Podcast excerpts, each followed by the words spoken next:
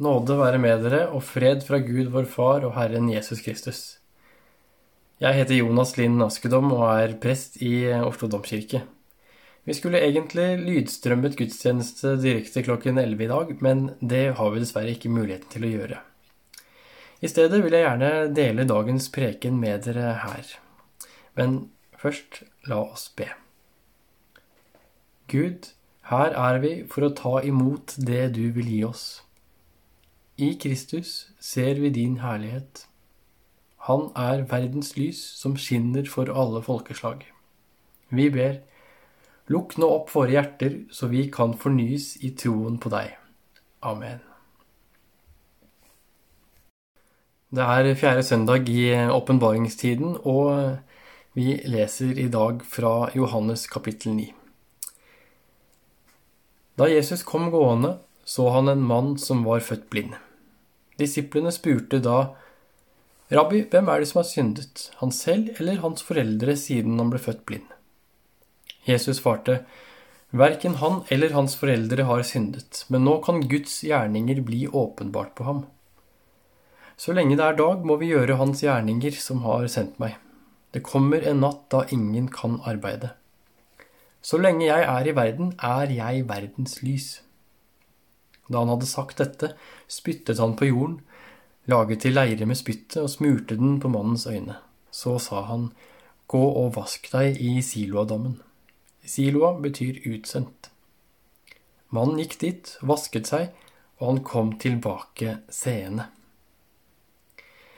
Jesus fikk høre at de hadde kastet ham ut, og da han møtte ham, spurte han, Tror du på menneskesønnen? Han svarte, hvem er han, da gode Herre, så jeg kan tro på ham? Jesus svarte, Du har sett ham, det er han som snakker med deg. Jeg tror Herre, sa mannen, og han tilba ham. Det ligger i vår menneskelige natur å være nysgjerrig. Vårt liv avhenger av det. Vi trenger informasjon for å overleve. Vi ser nysgjerrighet i barnet som utforsker sine omgivelser, som smaker på jord og snø og kaster puslespill og appelsiner på gulvet. Med sin nysgjerrighet og ved hjelp av syn og hørsel forstår det stadig mer for hvert kast. Så kunne vi håpe på at denne nysgjerrigheten alltid var koblet sammen med åpenheten som kjennetegner små barn. Men slik er det normalt ikke i et menneskeliv, for vi danner oss verdensbilder og forenklede kart over virkeligheten. Forskning forteller oss at vi foretrekker det som er kjent, enten det er sant eller ikke. Det er derfor det er lettere å tro på en påstand bare den er gjentatt mange nok ganger. Derfor er det altså parallelt med vår tørst etter kunnskap og informasjon en Altså, det er noe som, som knytter oss fast i vaner og strukturer, måter å handle på som er forutsigbare og rutinebaserte. Det gjør selvfølgelig hverdagen vår levelig, men det kan også hindre oss i å se når noe er nytt. Når noe nytt, noe godt, noe skjønt kommer. Her er det selvfølgelig grader av alvorlighet. Fra å være uvitende til å aktivt motsette seg og fornekte kunnskap. Vi har ulike typer kunnskap vi omgir oss med. Noe kunnskap er slik som akkumuleres, samles opp og legges til, som når vi lærer oss et nytt spill, eller lærer oss å skru sammen et flatpakket møbel. Så har vi også en annen type kunnskap som kan rokke ved eksistensen og våre verdensbilder. Jeg tenker f.eks. på Kopernikus, når han fant ut at jorden beveger seg rundt solen, ikke solen rundt jorden. Kopernikus' oppdagelse var og må ha vært vanskelig for veldig mange mennesker å svelge. For når kunnskap gjør at vi må endre på verdensbilder og vår forståelse av hvordan alt henger sammen, kan selv den stødigste bli ustø. Men når og om vi tar til oss den nye kunnskapen og får ny innsikt, så går vi fra én tro til en annen tro. I Johannes evangeliet helbreder Jesus en blind mann. Disiplene spør automatisert ut fra sine forestillinger og oppfatning om hvordan sykdom, synd og arv henger sammen. Hvem er det som har syndet? Han selv eller hans foreldre? Disiplene gir to alternative forståelser som premiss i sitt spørsmål til Jesus. Enten er det din egen skyld for måten du har levd på og syndet på, eller så rammes du pga. dine foreldres eller forfedres synd. Disiplenes automatiserte respons virker ikke som et forsøk på å sette Jesus på plass i en bestemt oppfatning, men det tar utgangspunkt i de alternative forståelsene av sykdom, synd og arv som de kjenner til. Men Jesus' far til disiplene bryter med disse to forestillingene. Verken han eller hans foreldre har syndet, sier Jesus. Mannens blindhet kan ikke forklares i noe han har gjort som ufødt barn i mors mage, eller som et resultat av sine foreldres eller forfedres livsførsel. Det bare er sånn. Videre i fortellingen så skjer det at mannen blir helbredet på en ganske påtrengende måte, med spytt og jord smurt som leire på øynene. Han går fra mørke til lys. Ikke bare i fysisk forstand, men også i en åndelig forstand, kan vi lese i fortellingen. For hele fortellingen, som vi bare leste et utdrag fra, står altså i kapittel 9, eh, er en utfoldelse av hvordan mannen vokser i tro. Hvordan han går fra én tro til en annen tro.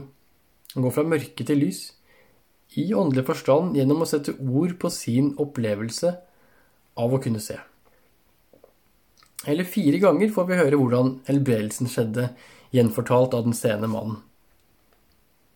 Og jeg tenker at det er litt som et, som et barn som blir døpt, og etter hvert vokser seg inn i dåpen gjennom tid, gjennom år, gjennom modning. Og gjennom å se tilbake på selve dåpshendelsen. Og gjennom å forsøke å sette ord på det og forstår mer av hva dåpen betyr, så kommer troen til. Helbredelsen er et brudd. Den er noe helt nytt. Den bryter med disiplenes og våre forestillinger om hva som skal skje. Den er et brudd på det vi tenker på som et stabilt og lovmessig verdensbilde.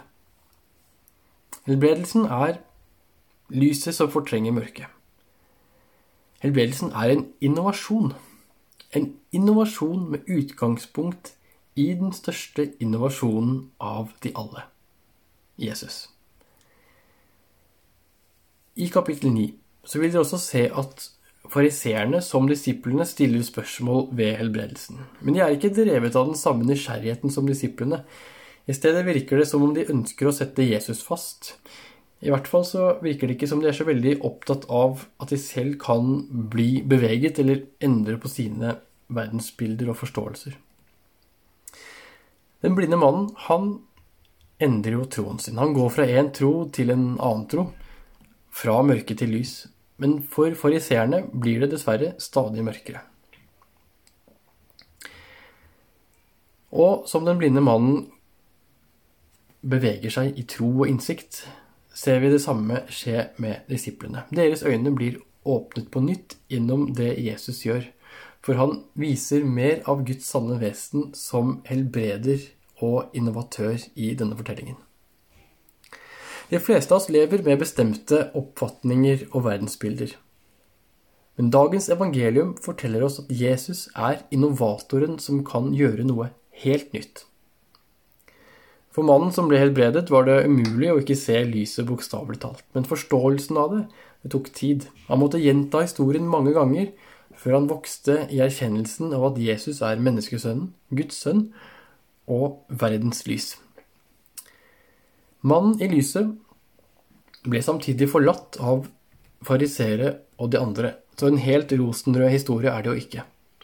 Det var bare Jesus som ikke forlot han. Slik sett så var han modig som sto fram med sin tro og sin erkjennelse. Vi kan oppleve mange former for mørke i våre liv. Kanskje opplever du at du ikke har fått de mulighetene du egentlig fortjener. Kanskje opplever du det som urettferdig at du er syk eller må sitte i karantene. Kanskje er du sint på verdens dumskap, på hvordan nasjoner, folk og grupperinger kjemper for egne interesser uten blikk på den andre. Eller kanskje du er fortvilet på deg selv fordi du ser ditt eget mørke, det som hindrer deg i å bli den du egentlig er. Amanda Gorman, den unge poeten, stilte spørsmålet i sitt dikt under presidentinnsettelsen i USA for noen dager siden. When day comes, we ask ourselves, where can we find light in this never-ending shade? Når dagen kommer, spør vi oss selv, hvor kan vi finne lys i denne evigvarende skyggen? Og hun svarer seg selv i slutten av diktet, For there is always light, if we only brave enough to see it. Det er alltid lys hvis vi bare er modige nok til å se det. Nysgjerrighet, åpenhet, innovasjon og lys. Fra tro til tro. Dette er dagens evangelium. Ære være Faderen og Sønnen og Den hellige ånd, som var, er og være skal, en sann Gud, fra evighet til evighet. Amen.